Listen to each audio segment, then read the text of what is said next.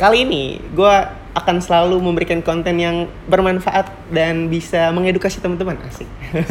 Semoga ya. amin, amin, amin. Soal bukan kepoin jurusan ya, karena kalau dilihat di sini udah bukan mahasiswa lagi, kayaknya udah top ya.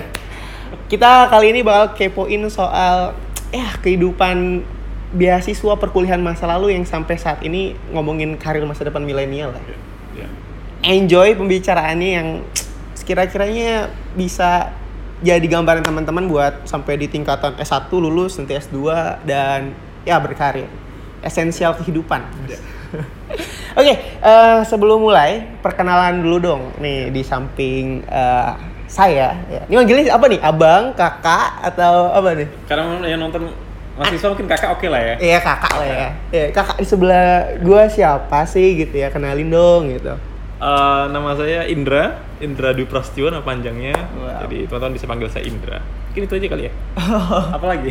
Eh, sekarang sedang menjabat oh ya, apa? ah, jadi eh, saya sekarang eh, kerja di Jakarta di ID Next Leader, sebuah Hmm. gerakan yayasan yayasan kemudaan. Saya sekarang menjabat sebagai managing director. Wah, eh, managing director dari ID Next Leader. Yes. Jadi menghimpun anak-anak Iya, muda iya. berbakat juga ya. Yes. Wah, School pas of banget. Leadership lah kita sebutnya. Ya, School of Leadership ya, buat jadi pemimpin ya. Ya. Boleh gabung nih ya. Oke Mas Indra, Eh, ini spesifik kita nanti ngomongin beasiswa karena eh, Mas Indra nih cukup menginspirasi lah ya dari asal Amin. kuliah S1-nya dari Kalimantan. Ya. Akhirnya bisa ada di sini dengan kuliah yang cukup tinggi ya. Amin. Pengen sharing ke teman-teman. Tapi sebelumnya em, sedikit lah ngomongin ID Next Leader. Boleh. Eh, jadi ID Next Leader itu sederhananya adalah School of Leadership ya kan. Hmm. Bagaimana kita menghimpun, berkolaborasi, kemudian membuat kelas-kelas mentoring Hmm, baik di Jakarta maupun di beberapa titik di Indonesia. Daerah. ya. Saat ini kita punya di Sumatera Utara, Jawa Barat, Jawa Tengah, dan Hmm. akan launching di beberapa titik lainnya. Jadi sederhananya kita pengen menjaring dan kemudian upgrading diri para leader-leader muda Hmm. hingga nanti ke depannya dia bisa memimpin di mana pun mereka berada seperti itu. Oke. Jadi target marketnya nih anak muda. Apakah harus mahasiswa atau yang udah lulus? Eh, bebas Hmm. target anak muda. Jadi mungkin 17 sampai 35 ya kan. Hmm. As long as kalian punya kapasitas ya kan, punya Hmm. apa skill kepemimpinan yang baik. Jadi Nanti akan di kalian bisa Di coaching gitu ya. Kita. Iya. Oke.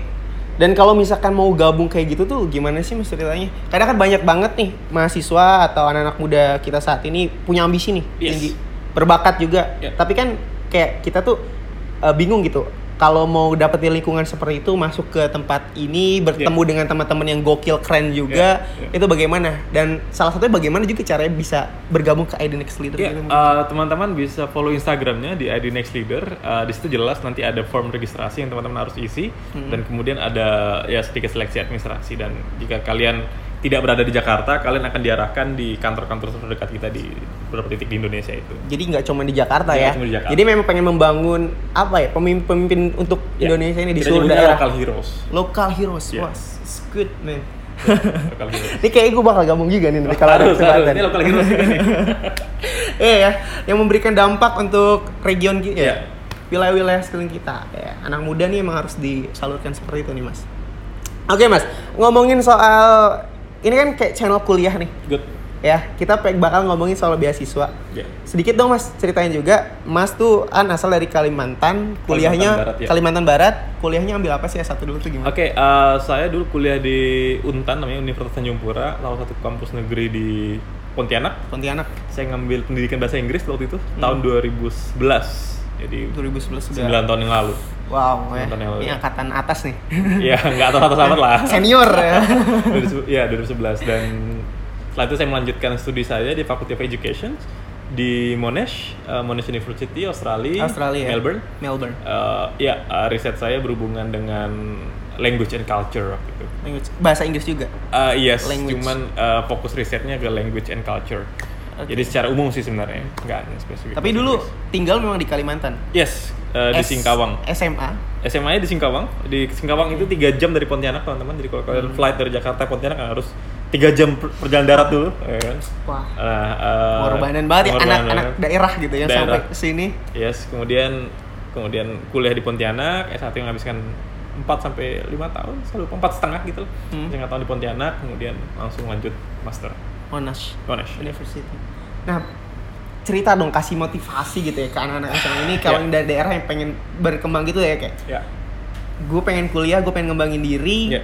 dari daerah nih, terus bisa kuliah di negeri, terus dari negeri sini loncat lagi ke tingkat yang selanjutnya Ya. yang lebih tinggi itu. Ya. Gimana sih motivasi mas dulu dulu dari SMA atau dari mana juga? Um, ya saya punya mimpi dari SMA. Uh, set your goals. Saya selalu bilang bahwa buat goal kalian dan goal itu harus gede ya. Iya. Jadi if your goal doesn't scare you, it's not big enough ya. Jadi kalau goal I kita agree. belum menakuti kita, belum buat kita bergegar gitu ya, berarti masih kecil. Nah jadi saya mau yes, punya mimpi waktu itu untuk kemudian bisa belajar di luar negeri. Jadi saya baca uh, banyak apa ulama-ulama muslim ya kan Hmm. yang hijrah dari satu tempat ke tempat lain gitu Iya. kan kok bisa ya saya bilang maksudnya pada zaman itu loh belum Hmm. ada pesawat segala macam mereka mungkin harus menggunakan onta atau Nah. berjalan kaki tapi mereka rela berhijrah untuk menemui satu guru Dan guru kemudian lain. guru lainnya guru lainnya saya pikir wow it inspired me a lot Ah. bahwa ilmu itu ada di mana-mana dan saya pengen belajar seluas-luasnya saya berada gitu Nah, itu sih motivasi awalnya motivasi awalnya dan Yes. emang jalannya tuh di bahasa Inggris akhirnya ngambil jurusan. Ah, ah, ah, itu panjang prosesnya, ah, tapi tibalah sampai di bahasa Inggris waktu itu ah, simply karena saya seneng Hmm. dan saya seneng baca-baca buku-buku ya buku luar negeri gitu loh dari SMA. Iya. Ah, tapi akhirnya ah, menikmati prosesnya, jadi baik itu di organisasinya, baik itu di Hmm. ya kan himpunannya atau segala macamnya dan ya itu yang kemudian membawa saya sampai hari ini. Jadi saya selalu bilang bahwa kampus itu kawah Chandra di muka Iya. eh, sebuah kawah di mana kalian, Kalian digembleng bisa, ya kan digembleng, kalian bener. digembleng dan kalau kalian survive kalian akan jadi gatot kaca tuh gitu lah Yang kuat itu ya? kuat gitu kan jadi nikmatilah proses kawahnya itu gitu Jadi nggak usah ngeluh kalau capek di kampus. Iya, usah Iya. Ini nggak perlu ditanya sih kalau pencapaian dulu apa ini mapres dulu ya. Ah iya mapres mapres mapres di Universitas Iya, Tanjung Pura nah, ya. Sampai akhirnya bisa di sini. gitu. Yes. Nah ngomongin soal beasiswa, Hmm. kakak boleh cerita gak sih beasiswa apa yang pernah didapat dan sebenarnya yang paling pengen kita ulas LPDP nanti. Oke, eh, ketika S1 eh, semester 1 2 belum dapat beasiswa karena Hmm. saya pikir mungkin susah teman-teman untuk dapat beasiswa di semester 1 2. Kecuali memang teman-teman dapat beasiswa dari awal.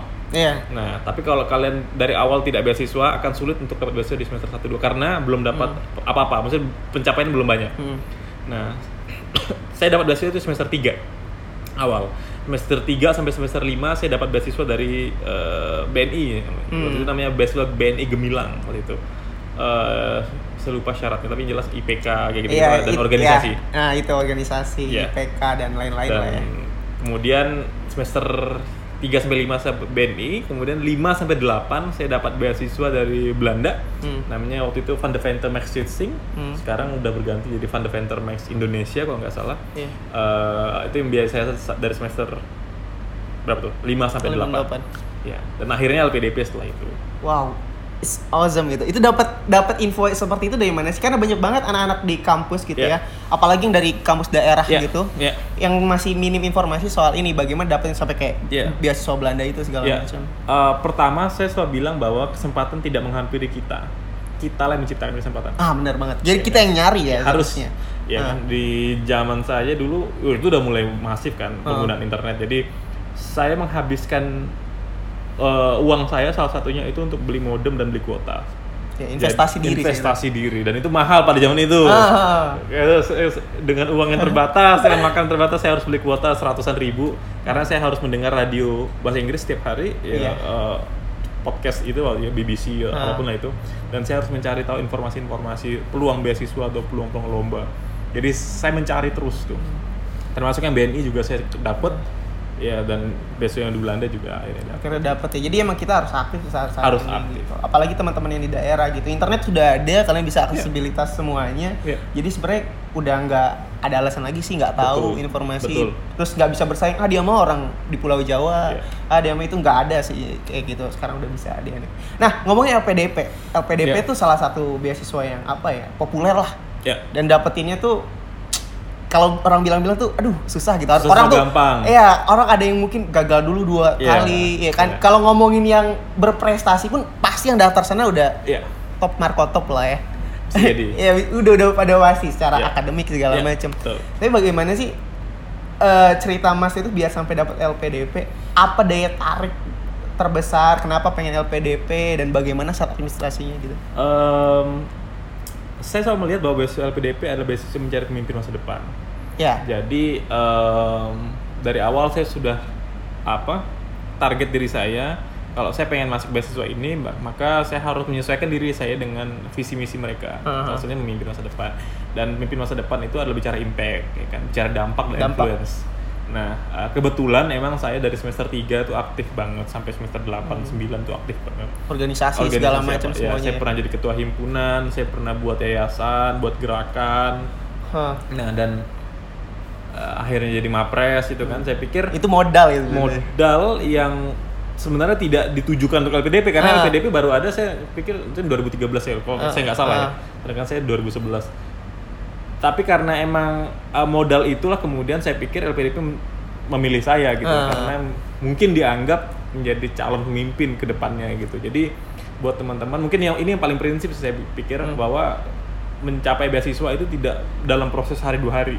panjang gitu Ya, itu ada proses panjang yang kemudian bukan kita yang memilih beasiswa, tapi pada akhirnya beasiswa yang memilih kita. Hmm. Memilih kita. Nah, untuk dipilih itulah kemudian kita harus menyesuaikan diri dari jauh-jauh hari sebelumnya seperti itu. Iya, sebenarnya kayak kalau menurut aku sih kayak kita fokus ngembangin diri dulu Iya. sih Ya, fokus kita di kita dulu nanti pasti beasiswa itu akan menghampiri bukan Sepakat. kayak kita awal "Uh, udah mau ngincer beasiswa mau kuliah tuh di luar negeri Iya. jalan-jalan nggak kayak gitu nggak tapi emang gitu. ngembangin diri kalau diri kita udah berkembang di satu titik beasiswa itu akan ngampirin ya sepakat, sepakat. jadi untuk teman-teman pola pikirnya untuk Iya. ya lebih diteliti lagi seperti seperti itu lah. Iya, sepakat. gitu LPDP itu sebenarnya kepanjangan dari apa sih dulu tuh ada yang sering ngomong LPDP LPDP Lembaga tapi ya, pengelola dana pendidikan. dana pendidikan Iya. dan untuk melahirkan pemimpin visinya Iya. dari situ udah pasti jelas Iya. dari pemimpin yang tadi oke Iya. nah kalau ngomongin LPDP waktu itu Mas dapat untuk ke Universitas Monash Iya, Monash. Universitas itu aku udah search itu top banget Iya, salah satu yang dan aku punya mimpi juga mungkin ke sana gitu ya Yes.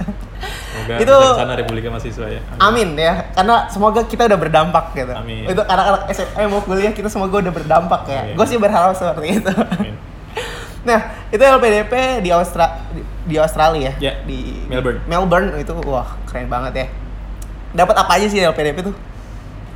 Fasilitas maksudnya? Eh, fasilitas yang Eh, didapatkan. Saya bisa bilang beasiswa LPDP itu Semua. paling prestisius yang ada Iya. di muka bumi lah. Kalau dilihat anak LPDP udah tahu pasti. Iya, Gak usah ditanya. Karena eh, dalam segi fasilitas mereka menyiapkan segalanya. Semuanya. Uang mulai dari persiapan keberangkatan. Bahkan mungkin kalau teman-teman yang belum punya sertifikat bahasa dileskan Nah. IELTS atau TOEFL-nya. Ah. Persiapan keberangkatannya di- dibiayai, pesawatnya dibiayai, uang Iya, bulanan, uang dibiayai, bulanan. uang kuliah dibiayai, uang buku, uang conference kalau teman-teman berhasil Ah. conference kalau teman-teman berhasil menerbitkan jurnal dibiayai kasih duit lagi jadi kayak wow Semua. bahkan biasa-biasa sebelah biasa sebelah di, di- itu tidak sekencang itu Iya. uangnya Karena makanya persaingannya itu begitu ketat. mungkin itu salah satu Ketat banget, ketat banget. ya Akhirnya lulus dari S1-nya sastra Ba- pendidikan pendidikan, Ya, ya, pendidikan bahasa Inggris. ya Duanya juga masih Ya, berhubungan pendidikan. sama bahasa dan akhirnya lulus dan ya akhirnya di sini masih di sini. masih apa ya berkontribusi juga Iya. di di Indonesia di Indonesia melahirkan pemimpin-pemimpin bangsa. ya harapan saya gitu bisa turut berkontribusi lah Nah, eh, kita ngomongin agak lebih detail Ya. soal tips trik untuk kedapetin itu mungkin kali ya. Pertama, syarat administratifnya apa sih LPDP itu? Karena banyak banget yang gagal gitu harus berulang Hmm. Eh, berkata-tahun. gitu. pertama mungkin sertifikat bahasa itu penting baik di dalam ataupun di luar negeri ya IELTS, Jadi, TOEFL? IELTS atau TOEFL Oke. jadi untuk teman-teman yang belum ngambil IELTS atau TOEFL persiapkan menabung karena mahal Iya, ujiannya. karena mahal Dan jangan, jangan sampai gagal gitu. Yes. Karena kalau gagal, ngulang lagi, bayar lagi, dan gitu. bayar lagi. Jadi persiapin bener-bener. Betul dipersiapkan. Kemudian selain itu kalian juga punya hmm, rekomendasi ya rekomendasi dari para tokoh atau dosen-dosen kalian. Juga itu- itu penting ya? Ya penting. Jadi maksud saya networking itu mahal ya. Hmm. Nah, jadi kalau teman-teman sudah bernetworking, kalian bisa tahu mana yang layak untuk merekomendasikan saya Hmm. sesuai dengan jurusan-jurusan saya misalkan. Itu penting. Dan mungkin yang paling penting lainnya adalah LOE ya. letter of acceptance. Jadi surat di mana menandakan kalian sudah keterima di kampus itu. Iya itu. Nah. Kita kan itu dulu ya. Apply apply dulu Iya, di kampus. Boleh apply dulu, boleh enggak. Jadi Ah. boleh daftar dulu- dulu atau LOA dulu. Tapi menurut saya LOA dulu lebih keren. Ah. Kalau artinya kalian sudah qualified, Nah. jadi tinggal nyari pendanaan. Iya Nah, itu. gitu. Soalnya aku dengar dari om aku juga dari LPDP dia LO dulu di misalkan di Amerika, di Hmm, Jepang, hmm, di sini banyak Iya, dulu nanti iya. kan dapat beberapa baru pendanaan itu. Iya, betul. Tapi bisa dulu pendanaan dapat dulu nanti baru bisa ngajuin. aja, ya? bisa aja. Kasus saya, saya nggak dapat LOE dulu. Dapat saya it- LPDP dulu. Oh, itu lebih keren udah dapat dananya tinggal milih Tinggal kampusnya milih di mana. kampus. Tinggal milih Iya. kampus.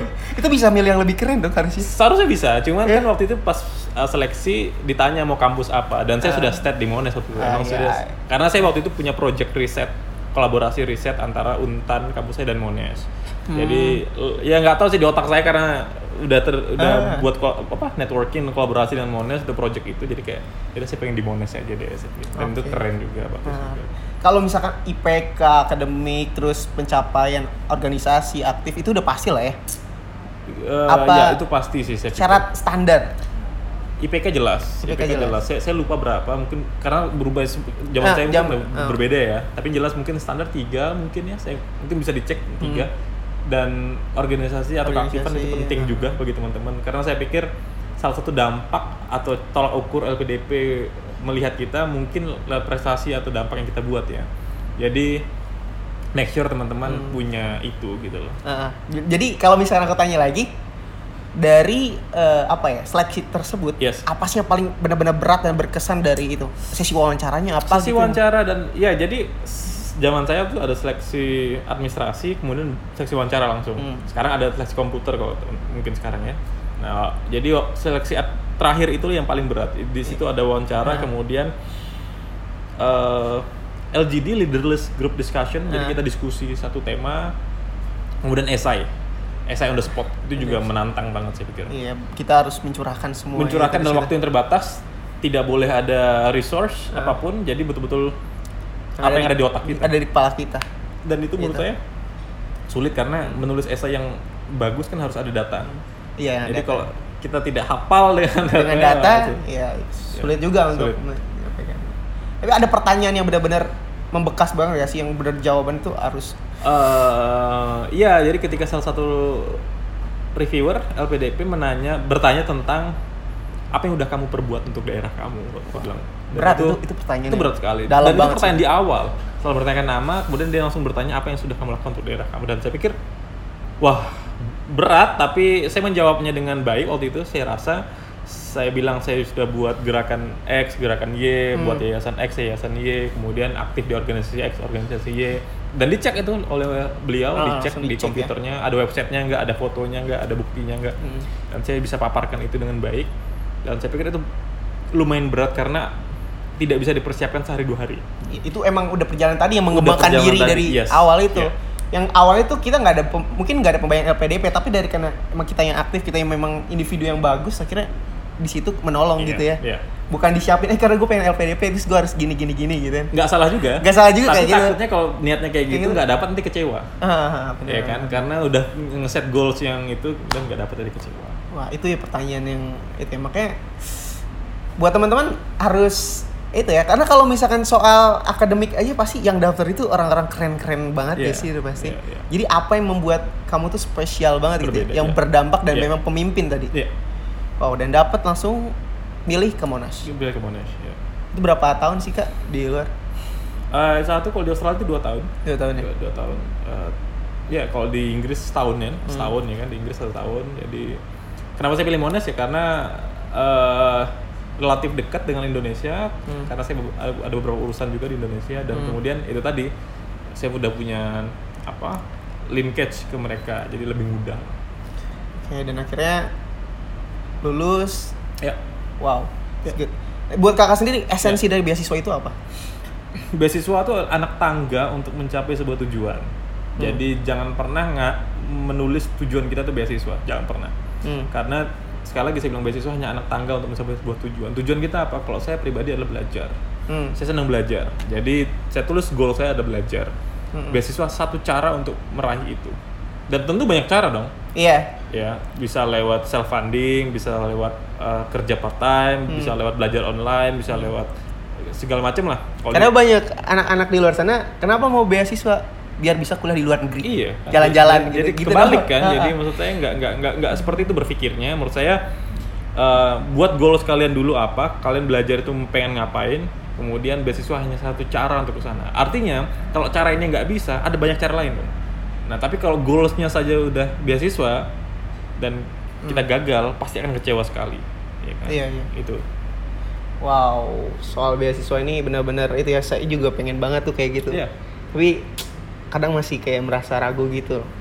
Bagaimana sih cara menguatkan diri kayak Iya. bisa kok, bisa, bisa gitu. Eh, kayak, kayak Ma- Mas kan juga dari daerah gitu Iya, kan. iya, iya. Sampai punya se apa ya? Apa kepikiran gitu, gue bakal kuliah nih dapat. Enggak, enggak, enggak kepikiran, enggak Nggak ada kepikiran kan? Enjoy aja jalan Enjoy gitu aja, kan? iya enjoy aja. Tapi kenapa saya percaya diri dan saya pikir teman-teman juga harus punya modal percaya diri ini. Kalian harus eh, tahu apa yang beasiswa itu mau. Kalau beasiswa itu mau misalkan lah ya eh, Hmm. beasiswa LPDP mencari pemimpin masa depan misalkan di misinya ya. Ah. dan teman-teman merasa kalian cocok dengan kriteria Iya, itu. gitu, gitu. Go on. Percaya diri aja dengan itu. Itu tips dan Itu triknya. tips dan trik yang menurut saya In- paling yang penting. paling penting, Iya. esensialnya. Iya. Jadi jangan minder. Kalau Nah. kalian ngerasa kalian udah cocok dengan beasiswa itu, mendaftarlah. Nah. Biarkan beasiswa itu milih kalian. Iya, karena kan aku juga ngeliat Mas kayak Mas tuh kayak tap tap tap nggak ada harus jeda Iya, gitu iya, kan. iya. Karena yang aku pikir kayak aku baca-baca segala macem rata-rata biasanya harus punya jenjang karir dulu Iya, segala iya, macem iya, gitu iya. kan untuk bisa dapetin harus gagal dulu Iya. kan bro. Ini langsung tap tap tap Iya, gitu. Ya, berarti tipsnya itu ya. Kita Iya. harus tahu esensial utama Iya, dari situ. Apa yang apa yang mereka pengen. Dan setelah itu sekarang Mas lagi sibuk apa nih? Eh, jadi eh, sebagai managing director saya mengurusi operasional ya- yayasan ini. Ah. Jadi emang fokus di regional. Beberapa waktu lalu kita launching di Jawa Barat dan Jawa Tengah dua hari yang lalu, tiga hari yang lalu.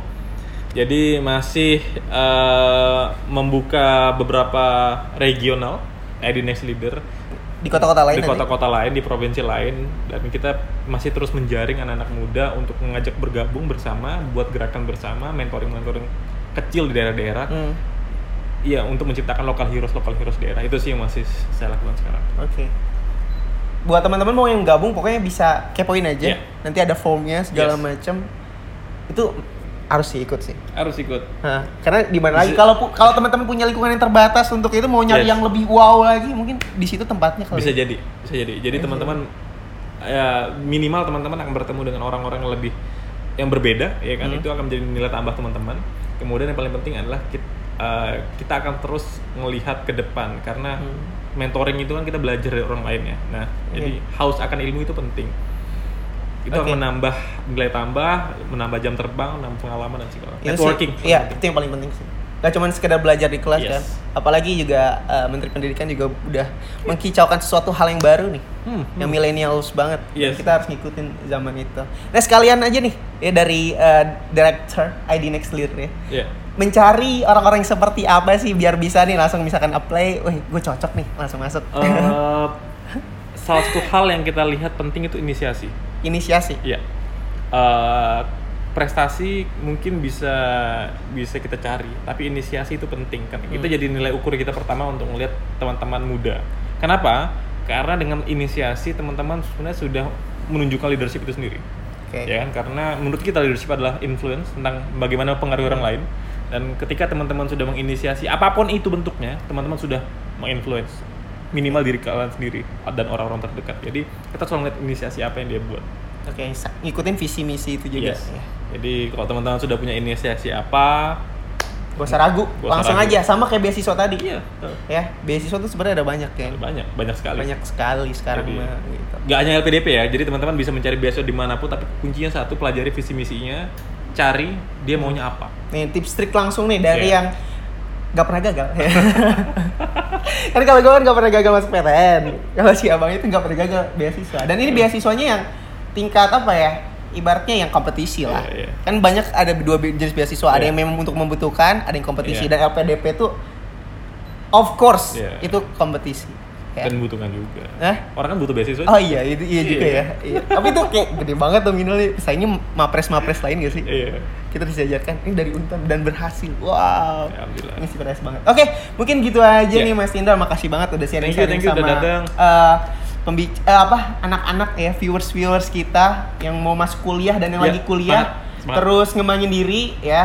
Networking itu penting ya dan jangan pikir beasiswanya tapi jadikan diri lu tuh besar dulu pasti nanti mereka akan mengambil semuanya. Sepakat. Oke sampai ketemu lagi di video-video selanjutnya. Like video ini kalau lu suka dislike aja kalau nggak suka. Iya. ya kan? Dan jangan lupa subscribe. Iya. kalau nonton video ini harus subscribe. Harus subscribe dong. Bayar Mahal parkir loh. ya? bayar parkir. Nonton dari gratis masa nggak mau subscribe ya. Oke gitu aja. Sampai ketemu lagi. Makasih mas Indra. Dari I di next leader. Bye. Wah, semoga anak-anak muda yang lain makin wow menghasilkan pemimpin di seluruh daerahnya. Dadah